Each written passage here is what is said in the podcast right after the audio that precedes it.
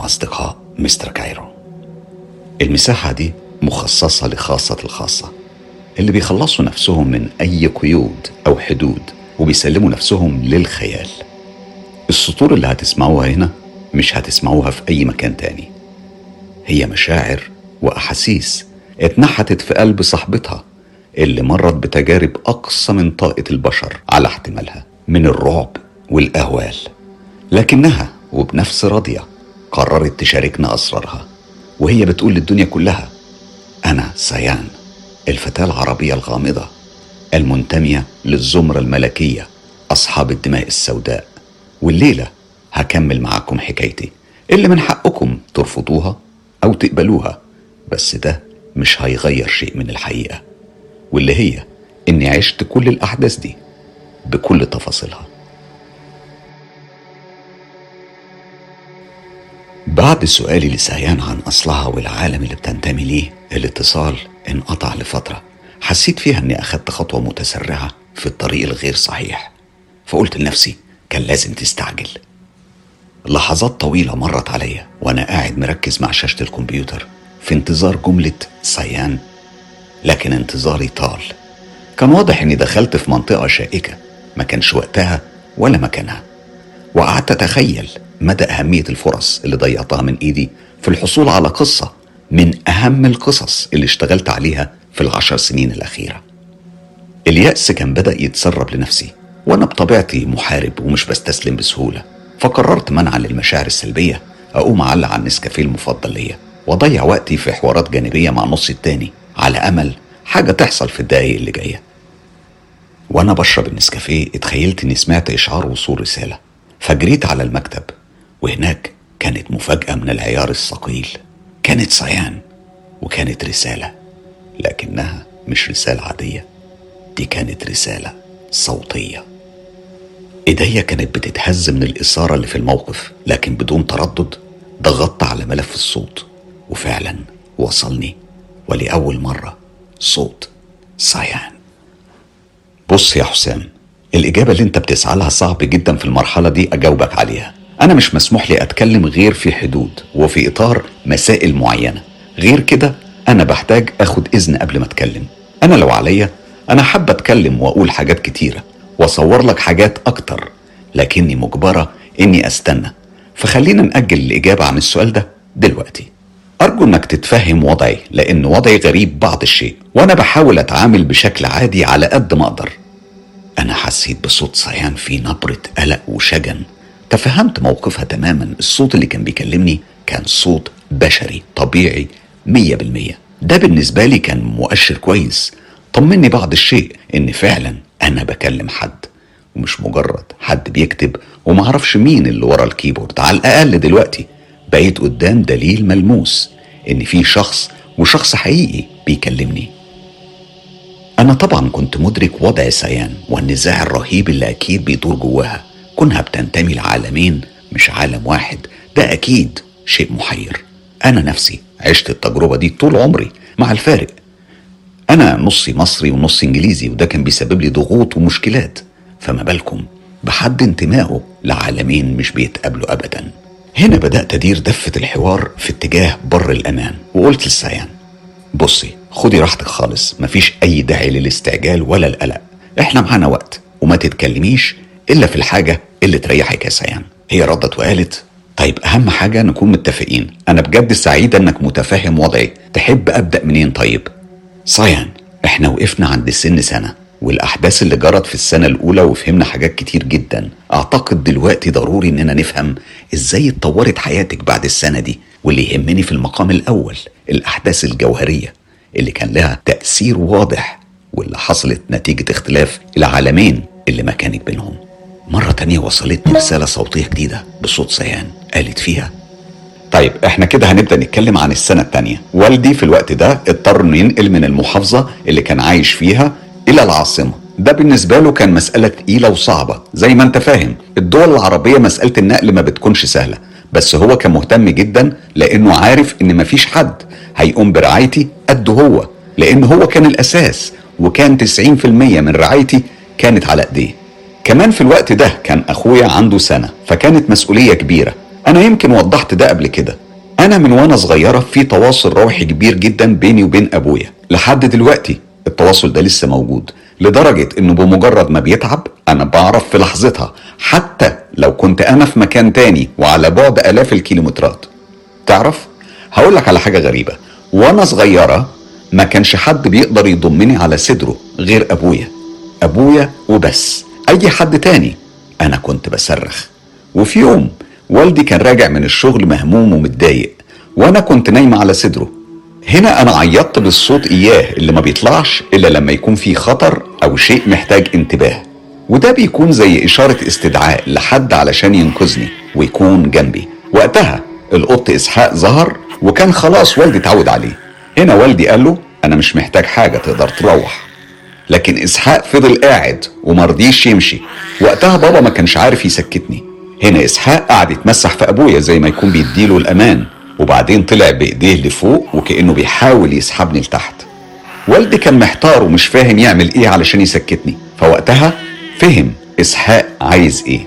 وبالفعل أبويا حطني على الأرض وهنا إسحاق قعد يلف حواليا وبطريقته المعتادة مر بديله عليا من فوق لتحت. وأنا بالفعل هديت يوميها. في نفس اليوم ده بابا لما نام حلم بشخص غريب كان بيتكلم معاه وما كانش عارف إن الشخص ده هو إسحاق. كان بيتكلم معاه وبيقول له ما تشيلش هم حاجة ولو النقل مسبب لك كل المشاكل دي من حيث الضغوط المادية فما تقلقش. إحنا هندبر لك كل حاجة بدون أي مجهود منك اطلاقا. كل اللي هيحصل إنك لما هتصحى هتلاقي الفلوس موجودة في المكان الفلاني. لكن بابا بص له وقال له في الحلم من الآخر أنا مش محتاج أي نوع من الدعم المادي. أنا كل اللي عايزه هو إن حد ياخد باله من البنت وينتبه لها ولطلباتها لأنها محتاجة رعاية والطرف التاني مش بيديها أي اهتمام. ده لأن الاهتمام كله منصب على الولد. أبويا بيقول إنه لما كان بيتكلم مع إسحاق في الحلم كان حاسس كأنه بيتكلم مع حد بيعرفه حد مش غريب عليه وكأنه يعرفه من زمان. بس وقتها كان لسه والدي مش عارف إن إسحاق هو الراجل الغريب ده. الراجل ده قال للبابا ما تقلقش هي أمورها بسيطة إحنا كلنا موجودين حواليها لكن هي حزينة وده السبب إني عايز أساعدك.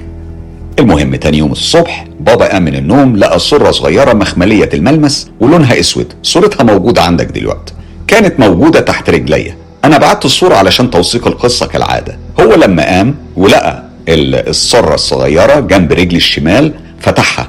لقى فيها عملات ذهبية.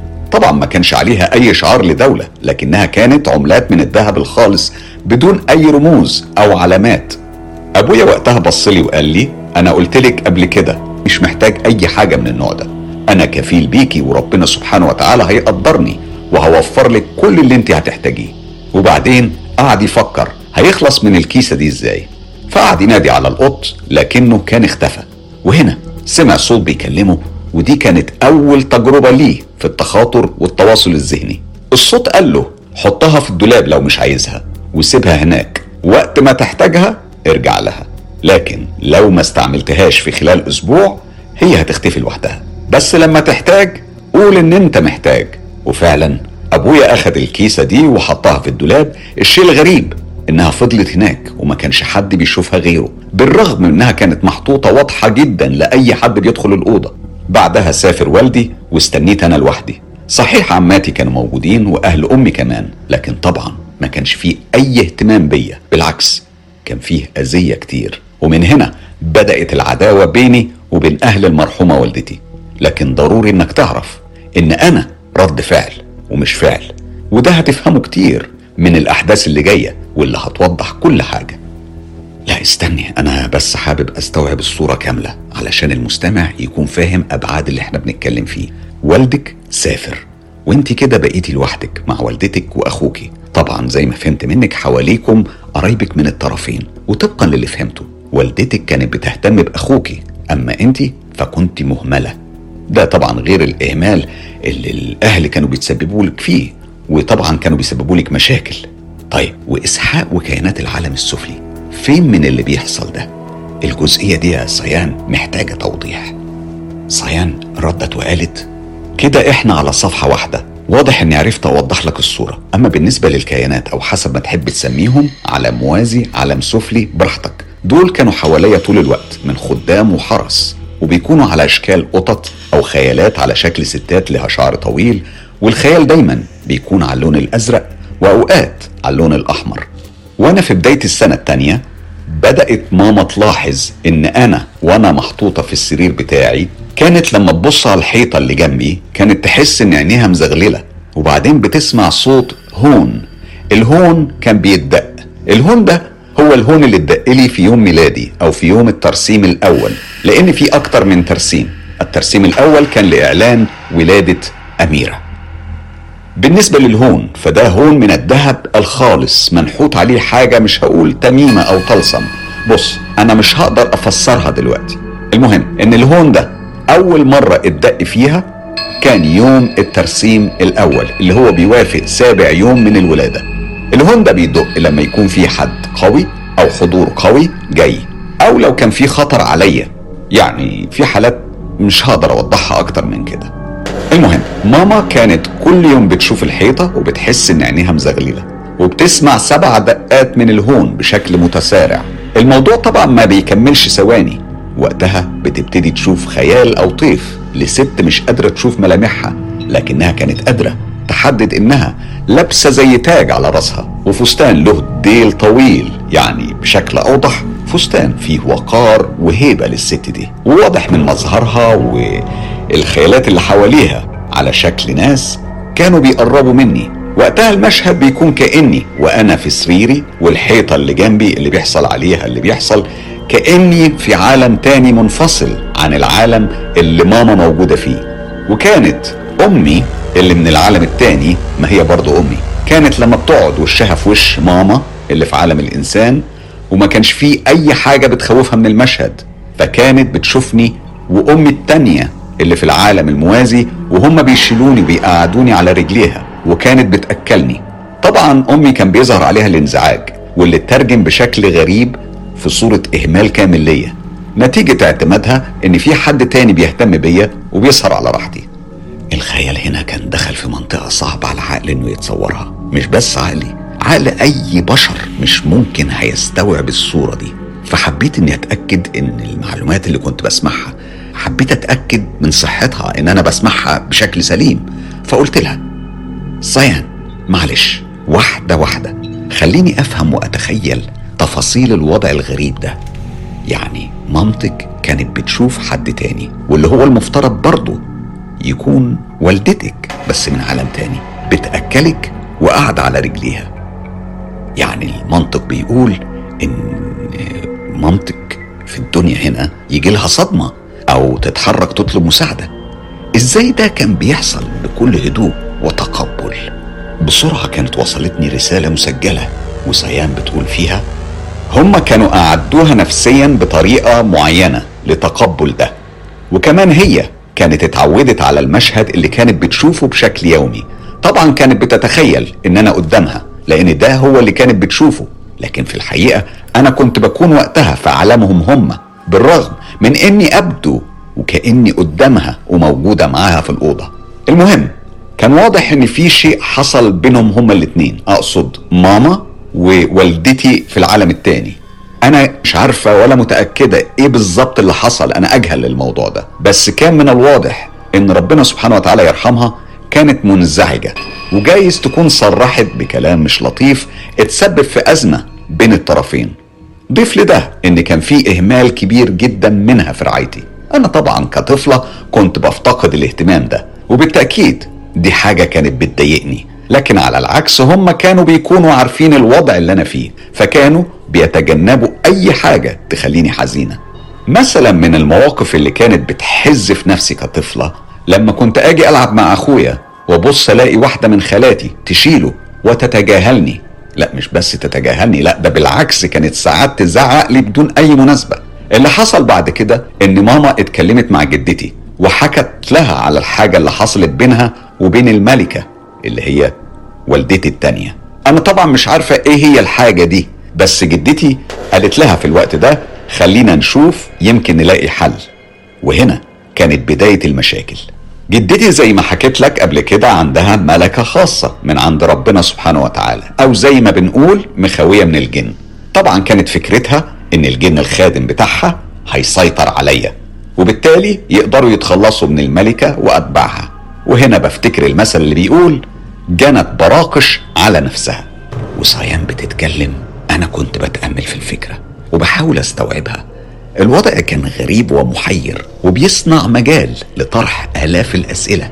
قطع حبل تفكيري. صوت رسالة صوتية جديدة من سيان. قالت فيها جدتي الغرور كان واخدها لأنها كان عندها خادم من الجن فما حذرتش ماما من التمادي في المواجهة مع الملكة أو بالتحديد والدتي التانية. وفي نفس الليلة ماما الله يرحمها لما نامت جات لها والدتي التانية واتكلمت معاها ووجهت لها تحذير من إنها لازم تهتم بيا وبرعايتي. فماما تقريبا ردت عليها طيب ما هي دايما حواليها ناس وحاجات كتير. طبعا تقصد الكيانات اللي بتكون حواليا على مدار اليوم. فواضح إن حصل احتداد في الحوار. تاني يوم ماما الله يرحمها قامت من النوم وهي قلقانة جدا. كان واضح إن الرسالة وصلتها بشكل واضح جدا المرة دي. بعدها بكام يوم جدتي جت تزور ماما ولما سمعت اللي حصل قالت لماما طيب أنا هاخدها معايا عند ساحر قوي. هي طبعا زي ما وضحت قبل كده كانت عارفة من لحظة ميلادي إن أنا ليا وضع خاص جدا. الطمع عمى عينيها وغرورها خدعها وبالفعل أخدتني عند ساحر. وهي في الطريق كانت بتفكر طيب ما أنا خدتها أهو وهم أكيد عارفين أنا واخداها لفين وما عملوش أي حاجة. فده أكيد دليل على إن اللي عليها أو اللي معاها مش قوي. بس طبعا اللي هي ما تعرفهوش إنهم سابوها علشان تكون هي اللي بدأت العداوة مش هم. هم مش حابين يبدأوا بالعداوة لأنهم عارفين إنهم محاسبين. اخدتني عند الساحر اللي أقنعها إنها تقدر تسيطر عليا وكمان تقدر تاخد الملكة اللي عندي وقدراتي. الشيء اللي أنا حابة أوضحه إن جدتي لما اخدتني للساحر ده كانت عارفة كويس إن في خطورة عليا لأنه افتكر إني زوهرية أو زهرية. وإنه ممكن يستخدمني عشان يفتح رصد والحاجات اللي من النوع ده. بس للأسف قلبها كان مليان حقد وكره على طفلة رضيعة لسه عمرها سنتين بس. لكن لما وصلت الساحر ده شافني واتخض وقال لها إيه اللي أنت جايباه ده؟ أنت عارفة أنت جايبة إيه معاكي؟ فردت عليه بكل ثقة.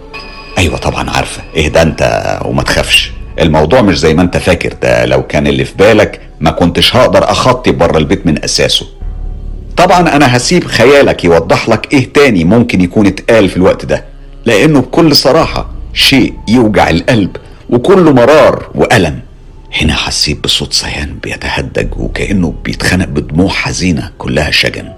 أنا بصراحة تعاطفت معاها جدا وتخيلت إحساسها في لحظة زي دي لما حد من المفترض إنه قريب منها جدا مش بس قريب ده المفترض يكون عالمها كله. ويضحي بيها ويدخلها في تجربة مرعبة بالشكل ده بدون ما تتهزلها شعرة الحكاية كانت بدأت تدخل في منطقة مؤلمة وموجعة. وكنت على وشك أقول لسعيان خلاص خلينا نكمل الحوار ده في وقت تاني تكون هديتي شوية.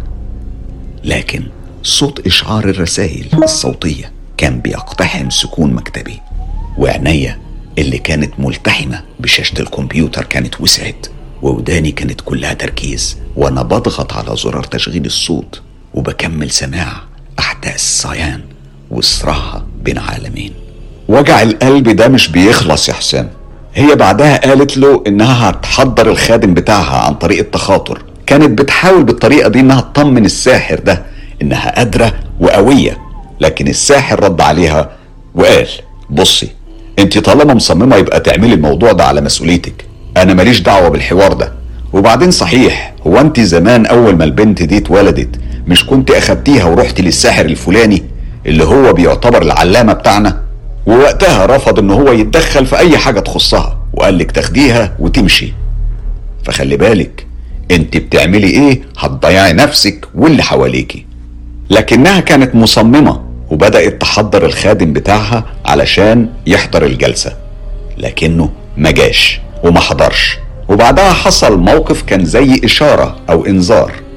الطاسة أو بيسموها القصعة اللي كان فيها الفحم والبخور اللي كانوا مولعينها فجأة اتقلبت وكأن حد خبطها من تحت. والحاجة اللي فيها اتفرطت على الأرض في كل مكان. الساحر من الخضة نط في مكانه وقف ولسان حاله بيقول أنا ماليش دعوة بالموضوع ده.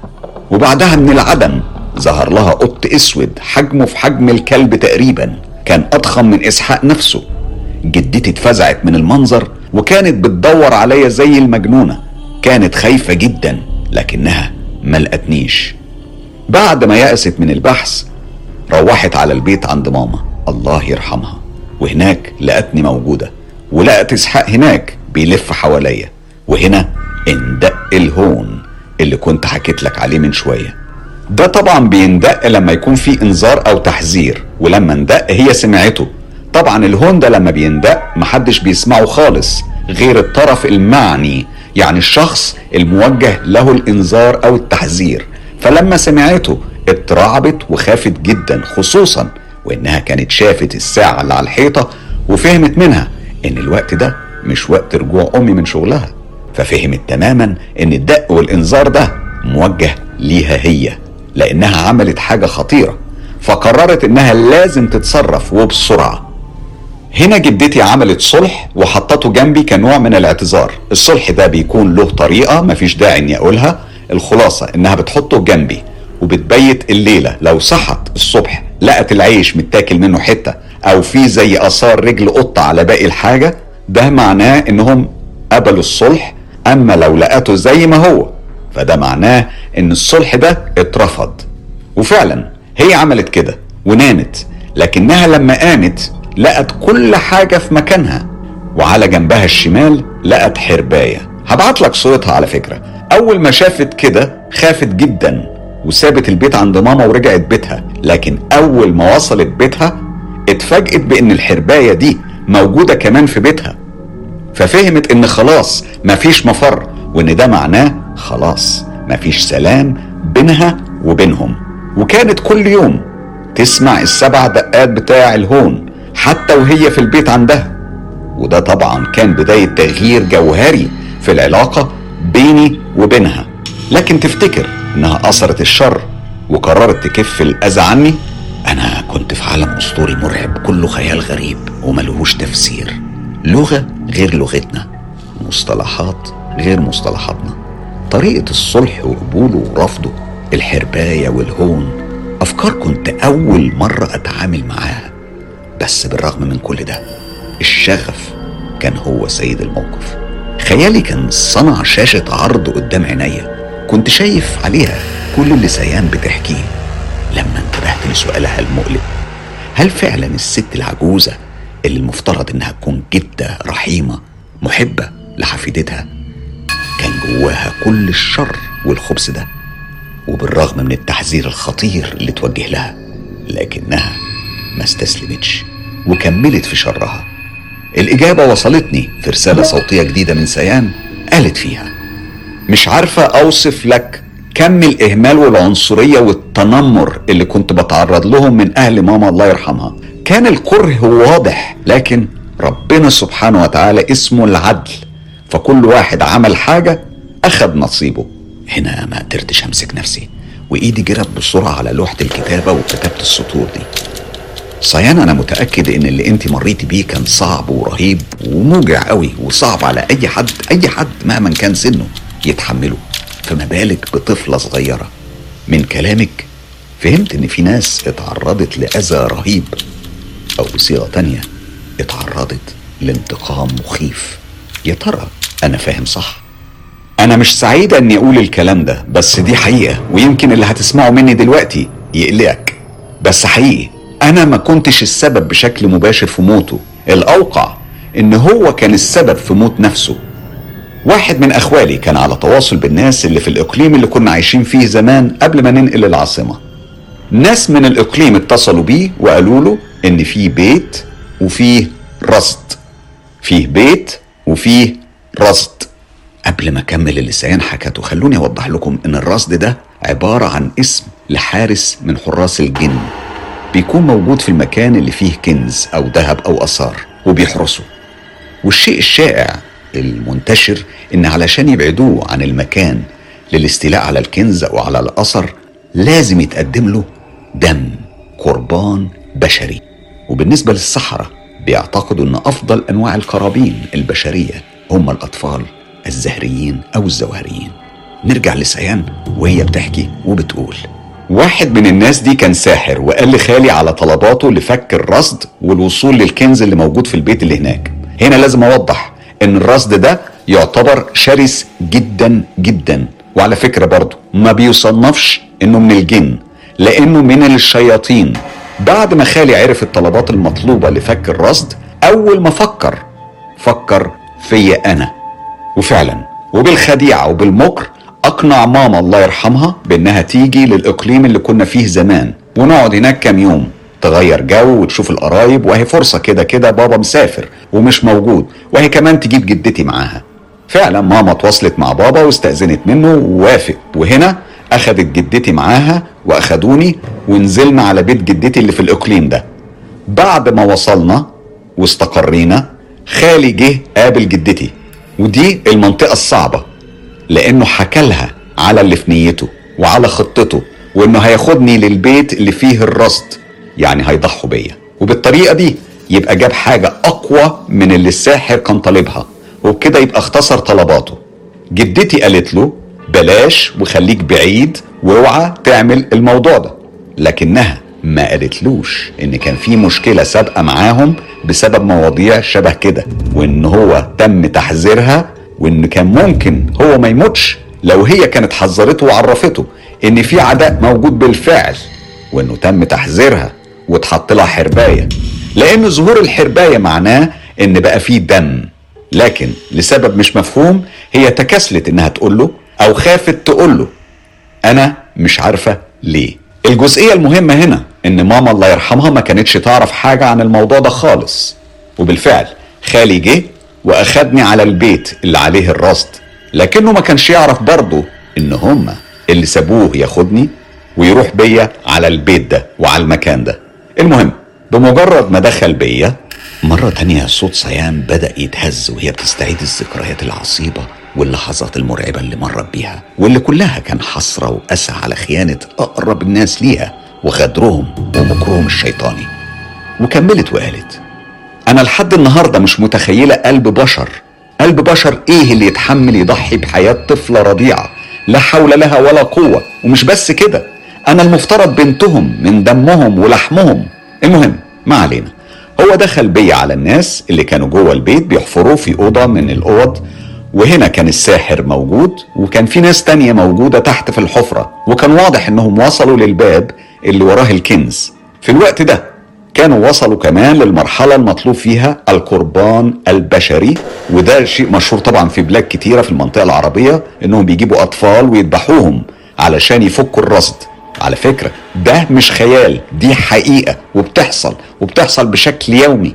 كنت على وشك أكتب لسيان وأقول لها عارف عارف وسمعت عن قصص زي دي كتير في المغرب في الجزائر في مصر في ليبيا في بلاد كتير في الدول العربية. ده لو ما كانش في كل الدول العربية. ده أنا حتى كتبت عنها في حلقات زام بس بصراحة جلال الموقف ورهبته خلتني أسكت وأسمعها وهي بتكمل حكايتها الرهيبة.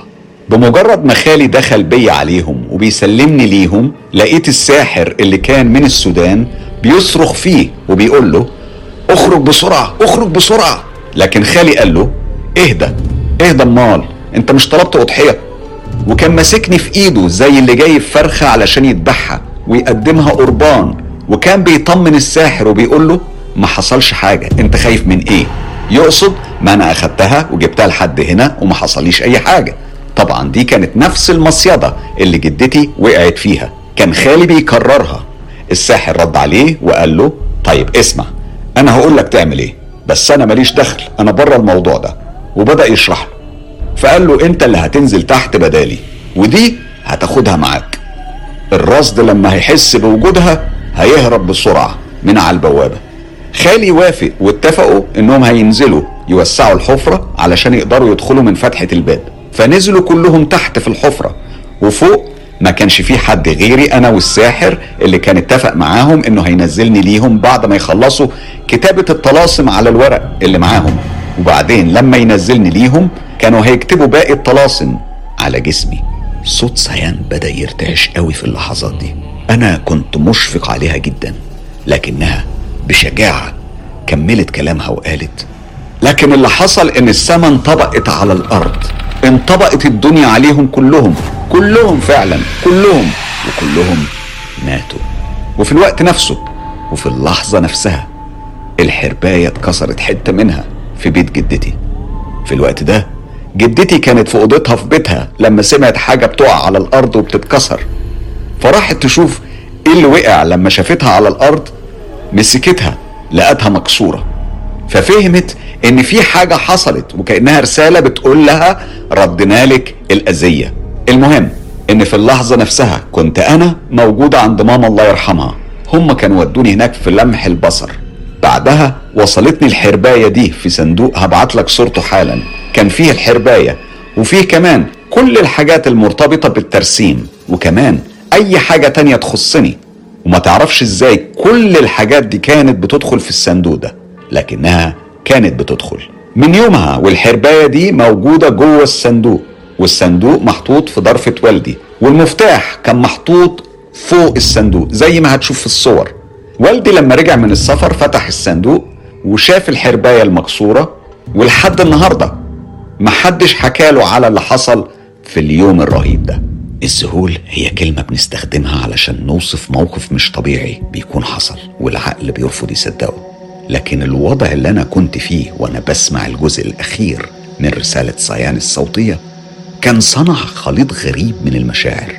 ما كانش ذهول وبس لا ده كان خليط من الغضب والثورة والتعاطف والولاء. كل الأحاسيس دي كانت مغلفة بإحساس الأب اللي عايز يحمي بنته من كل الشرور اللي في الدنيا. ولقيتني بكتب جملتين. صيان أنا موجوع لكل لحظة عشتيها وغضبان قوي إن في بشر جواهم حقد وسواد أكتر من اللي جوه أعتى بالسة جهنم.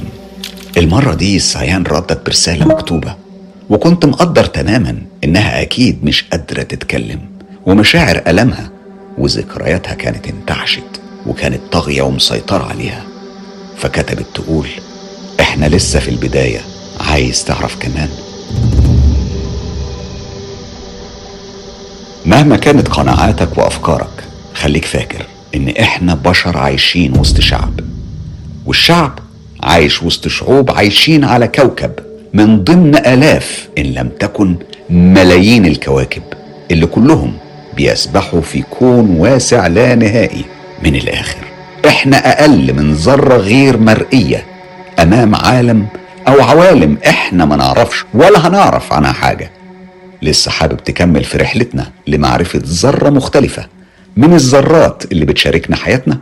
استنى معايا حكاية سيان الأربعاء القادم وحكاية مرعبة وأسرار مخيفة عن مملكة العالم السفلي مع Mister Cairo. ما تنسوش تفعيل الجرس share الكليب في كل مكان واتساب إنستجرام فيسبوك وطبعا على يوتيوب. خلي الدنيا كلها تعيش تجربة Mister Cairo.